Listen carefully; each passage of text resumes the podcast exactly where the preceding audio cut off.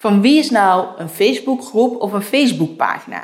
Het is een vraag die steeds maar weer terugkomt.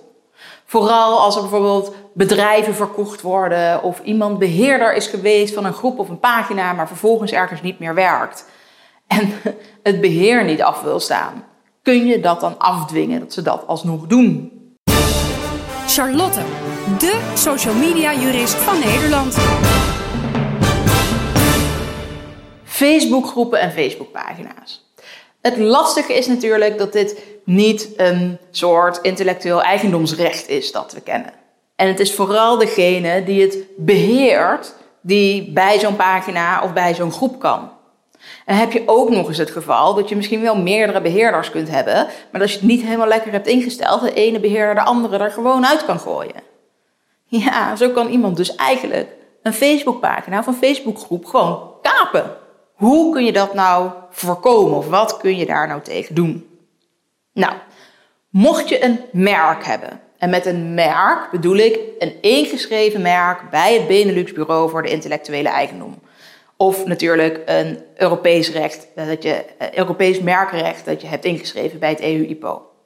Het gaat erom dat het een geldig merk is eh, in het gebied waar je het wil beschermen. Een inschrijving bij de Kamer van Koophandel of dat het al een hele bekende brand is geworden, dat doet er dus even niet toe. Heb je zo'n merk, dan mag iemand anders datzelfde woord niet gebruiken als merk. Dus ze mogen het niet commercieel inzetten. Dat betekent al heel snel dat iemand anders dus niet datzelfde woord mag gebruiken voor een Facebookpagina of voor een Facebookgroep. Zeker niet als dat dus hè, commercieel ingezet wordt om daar ook weer producten of diensten mee te verkopen die onder jouw merk zouden vallen. Heb je dus zo'n merk, dan kun je een ander die een Facebookpagina of een Facebookgroep heeft waarin datzelfde merk wordt genoemd, waarmee ze diensten of producten proberen te verkopen, waar jij je merk voor ingeschreven hebt, dan kun je hen verbieden om die pagina of die groep langer te hebben. Dus zij zouden het dan moeten verwijderen. Eventueel kun je ook vragen of ze het aan jou mogen overdragen of kunnen overdragen. Dan kun je dat niet altijd 100% eisen. Goed, wat is nou het geval als jij bijvoorbeeld uh, een bedrijf hebt, maar het is geen merk? Nou, dan zou iemand anders dus in principe dat gewoon als Facebookpagina of als Facebookgroep mogen gebruiken, zolang ze dat dan maar niet doen als bedrijf, zolang ze het niet inzetten als handelsnaam. Je hebt dan namelijk een handelsnaamrecht.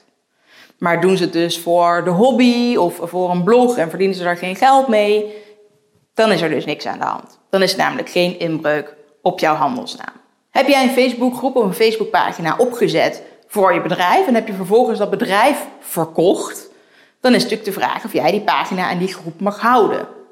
Nou, het grote verschil is dan eigenlijk dat de pagina vaak heel erg gericht is op jouw bedrijf. Dus dat je die vaak eigenlijk wel mee zou moeten afstaan of in elk geval die pagina zou moeten stoppen. Hangt er natuurlijk ook vanaf wat je hebt afgesproken toen je je bedrijf verkocht. De groep is meestal meer gewoon een leuk en gezellig initiatief om ergens over te praten. En dat hangt dus minder vast aan je bedrijf. Waardoor dat niet altijd een probleem oplevert. Nou, zo zijn er eerder wel eens rechtszaken geweest over Facebookpagina's en Facebookgroepen. Bij bijvoorbeeld sportverenigingen is het wel eens zo geweest dat eigenlijk in opdracht van de vereniging iemand een pagina heeft opgezet. Die zei dan later, ja, ik ben de beheerder van de pagina, ik heb die pagina opgezet, dus de pagina is van mij. Nou, zei de rechter dan, het was in opdracht van de vereniging, dus je hebt het eigenlijk alleen maar uitgevoerd, dus was de pagina gewoon van de vereniging. Bij Facebook groepen wordt daar vaak anders over geoordeeld. Want dan zeggen, nou, dat is dan vaak niet in opdracht geweest van de vereniging en het gaat er meer om dat je met elkaar ergens over kunt praten. En dan is het ook niet communicatie vanuit de vereniging, maar van anderen over de vereniging. Daarom is die groep vaak niet zo'n probleem, maar de pagina wel. Het is misschien nog een beetje vaag en onduidelijk. Ik kan het ja, niet helemaal verwoorden zoals ik dat zou willen. Mocht je er dus verder nog vragen over hebben, leg me dan even jouw specifieke situatie voor tijdens een oploskoffie. Die kun je gemakkelijk zelf inboeken via www.oploskoffie.nu.